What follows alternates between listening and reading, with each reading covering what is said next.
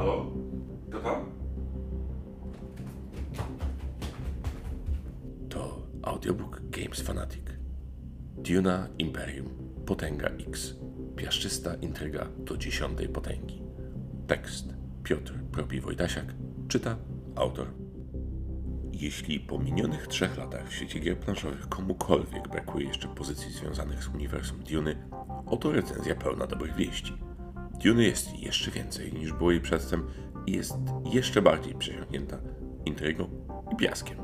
Jeśli lubisz plażowe spacery w ulubionych, przywiewnych sandałach, a nade wszystko cenisz sobie dobrze wyważony cios w plecy, oto odpowiedź na Twoje potrzeby. Duna Imperium Potęga X. Piaskiem po oczach. Świat stworzony przez Franka Herberta utrwalony został w popularnej świadomości za pomocą dwóch obrazów filmowych z 84 i 21 roku. Ci spośród nas, którzy nie mieli sił, by przeczytać 2,5 tysiąca stron w sześciu opasłych tomiszczach i ci, którzy nie potrafią docenić Stinga w roli harkoneńskiego okrutnika, z pewnością wyżej cenią najnowszą adaptację. I dobrze dla nich, i dla mnie, gdyż to właśnie film Denisa Villeneuve'a nadał Dune Imperium jej wizualnego sznytu. Z kart wysierają więc powłóczyście rozmarzone spojrzenia znanych aktorów, a całość ubrana jest w estetyczną i nienachalną szatę graficzną. Gra jest wyrazista i czytelna, nawet w zaawansowanym etapie. Nie sposób chyba prosić o więcej. Jeśli podstawowa wersja gry nie przewinęła się na Twoim radarze, służę redaktorskim wprowadzeniem. Duna Imperium to gra oparta o mechanikę budowania talii, jak brzdęk czy reaktywowany ostatnio Dominion, oraz worker placement, jak w Viticulture czy Agricoli. Wszystko to wspomagane jest przez kilka przyjemnych i bardzo smakowitych dodatków. Każdy gracz ma na przykład swojego bohatera, lidera, który ma dwie unikatowe umiejętności specjalne. Jedną pasywną, aktywowaną w określonych sytuacjach, oraz drugą, wywoływaną przez zagranie odpowiedniej karty. Absolutnym game changerem, czyli po naszemu grozmieniaczem, są tu jednak karty intrygi, które potrafią zupełnie znienacka odmienić los gry, jak dobrze wyważony cios w plecy. Rzecz jasna, w świecie Duny jest to cios krysnożem. Jeszcze więcej Duny w Dunie. Konsensus graczy jest taki, że Duna Imperium to twór dobry sam w sobie, a może wręcz bardzo dobry sam w sobie.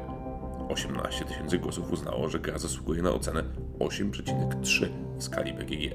Czy więc da się poprawić coś tak dobrego? Czegoż mogło brakować w podstawce, że kilkanaście miesięcy po premierze podstawki na rynku pojawił się dodatek, wyceniony tylko na 15 zł mniej niż oryginał? Potęga X w swoim slim pudełku zawiera takie cymesy jak dwie nakładki na planszę, cztery nowe karty konfliktu, gdzie w podstawce było ich 18, 35 kart talii Imperium kontra 67 w podstawce, 6 nowych liderów, wcześniej było ich 8, dodatki do gry solo, tutaj 9 nowych kart oraz dwie planszetki zasad dla rywali, 18 kafelków technologii do jednej z nowych planszetek i dodatkowe znaczniki dla graczy, dysk frachtowca oraz dwa dreadnoty. Całość można rozumieć jako kilka nowych modułów, które niestety nie są przeznaczone do stosowania rozdzielnie, jak ma to miejsce na przykład w Viticulture Toskania. I trochę szkoda, bo choć nowe możliwości są ciekawe, to nie wszystkie są zmianami jednoznacznie na plus. Ale od początku. Nowa szata na Twój imperialny stół. Pierwszym i najbardziej rzucającym się w portfel elementem dodatku jest nakładka na górną część planszy. Przepoczwarzone zostały pola Koam oraz Rady. Tu powstało miejsce na ruchy frachtowców. Ich podróże, aktywowane kartami żółtych agentów, dają nam określone bonusy jak Solarisy, tu skromny prezent obejmuje również przeciwników, melanż, dodatkowe siły zbrojne czy możliwość tańszego zakupu technologii. Frachtowce mogą poruszać się o jedną pozycję w górę lub wracać do pozycji początkowej, by rozpocząć podróż od nowa. Nie poruszają się jednak w tył o pojedyncze pola. It's all about the tech, baby. Technologie mieszczą się zaś na drugiej planszetce. Tu mamy dwa pola, umożliwiające nie tylko zakup tych technologii, niekoniecznie po niższej cenie, ale również pozyskanie dreadnotów, silnych statków bojowych, które na specjalnych zasadach wesprą nas w boju. Ich siła warta jest 3 punkty, a w zależności od rezultatu walki, statek wraca do naszego garnizonu, a nie do zasobów, lub pozwala nam na przejęcie kontroli nad jednym z pól planszy. Dzieje się tu jeszcze jedna ciekawa rzecz. Akcja pozwalająca nam zostawić żołnierzy z naszych zasobów jako negocjatorów pełniących funkcję zniżki w przyszłych zakupach technologii. Same karty technologii są bardzo zróżnicowane. Mamy tu ciekawe warunki obowiązujące przy zakończeniu gry, np. zagwarantowane zwycięstwo we wszystkich emisach, czy punkty zwycięstwa za określoną pozycję na torach wpływów, wzmocnienia militarne, dodatkowe punkty siły lub możliwość rekrutacji żołnierzy do garnizonu, zasoby zyskiwane w określonych sytuacjach, opcjonalne niszczenie wyłożonych kart, układanie zakupionych kart na wierzch talii, wymiana kart intryg i sporo innych ciekawostek. Nie wiem, czy którakolwiek z nich może wywrócić grę do góry sandałami, ale z pewnością każda może wspomóc nas w jeszcze lepszej realizacji naszej strategii. Karty wycenione są na od 1 do 8 jednostek melanżu, a średnia cena to 3,61 melanżu. Proszę wybaczyć tę krótką zabawę w statystykę. Czyli całkiem sporo melanżu, jak na grę, w której zawsze brakuje nam melanżu. Hashtag melanż. Gdzie są moje Solarisy?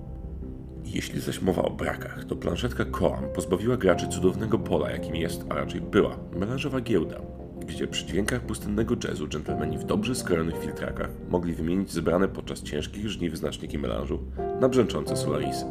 Pożegnajcie się więc z intergalaktycznym bogactwem. Gra obecnie nie oferuje żadnej możliwości szybkiego wzbogacenia, a trzeci agent nadal kosztuje 8 solarisów. Grając z dodatkiem, maksymalny jednorazowy zysk z pola na planszy to 5 solarisów, a nie 12, jak to drzewiej bywało. Sześciu wspaniałych. Nowi bohaterowie to przede wszystkim aktualizacja o umiejętności związane z dodatkowymi modułami. Mamy tu więc księcia z rąbem w imieniu, który może nabywać technologię, mamy wicehrabiego operującego frachtowcami oraz pannę Tessię, która dzięki dodatkowym żetonom kluczy może zdobywać punkty wpływu we frakcji, w której posiada ów znacznik wykrywacza. Troje pozostałych bohaterów obraca się w znanych nam już realiach, ale nadal wzbogaca je o świeże pomysły. Nic przełomowego, ale na pewno jest tu więcej gry w grze i przy okazji więcej różnorodności w grze. Han Solo i jego epickie przygody. Dla miłośników gry solo Potęga X przynosi zestaw świeżutkich kart rodu Hagalów, uwzględniających ruchy dreadnotów, dostawy międzygwiezdne i negocjacje technologiczne. W instrukcji pojawiają się również dwie opcjonalne zasady do gry w pojedynkę oraz tryb gry epickiej. Ten ostatni przeznaczony jest dla graczy, dla których podstawowa gra była zbyt krótka i zbyt miałka, o ile są tu tacy. Tu rozgrywka toczy się do 12 punktów, inaczej buduje się talię konfliktu, wymienia się też jedną z kart startowych i zaczyna z kartą intrygi oraz silniejszą obstawą w garnizonie. Polubić czy poślubić? Jestem rozdarty, jeśli chodzi o potęgę X. Potrafię docenić, że pomysły tu zawarte są interesujące i rozbudowują grę w zauważalny, ale nienachalny sposób. Jest tu więcej tego, co lubimy. Więcej pól, a więc więcej możliwości, a więc i więcej kombinatoryki, knowań i spisków. Integracja dodatków z grą podstawową jest prosta, a zasady nie puchną wraz z nimi, więc zabawę można zaczynać nawet po pobieżnej lekturze instrukcji. Moja grupa testowa nie była jednak do końca powalona każdym nowym elementem. Z początku ani dreadnoty, ani karty technologii nie zyskały wielu fanów, a brak możliwości łatwej zamiany przeprawy w piaskowe ruble doskwierała nam szczególnie boleśnie. Dobrze przyjęły się za to umiejętności postaci. Tu pojawiły się ciekawe pola do strategizowania i gra faktycznie nabrała zupełnie nowych rumieńców. Nowe karty w talii Imperium wywoływały żywą ekscytację i były tematem gorącej dyskusji nad stołem. Ogólne wrażenie było jednak takie, że to stara dobra Duna Imperium, tylko teraz trzeba było brać pod uwagę więcej ścieżek prowadzących do sukcesu. Wahania duńskiej waluty. Między premierą Duna Imperium a premierą dodatku minęło niewiele czasu, przynajmniej w kosmicznym sensie. W wymiarze branżowym zmieniła się jednak epoka. Koszta produkcji wzrosły, koszta transportu tym bardziej.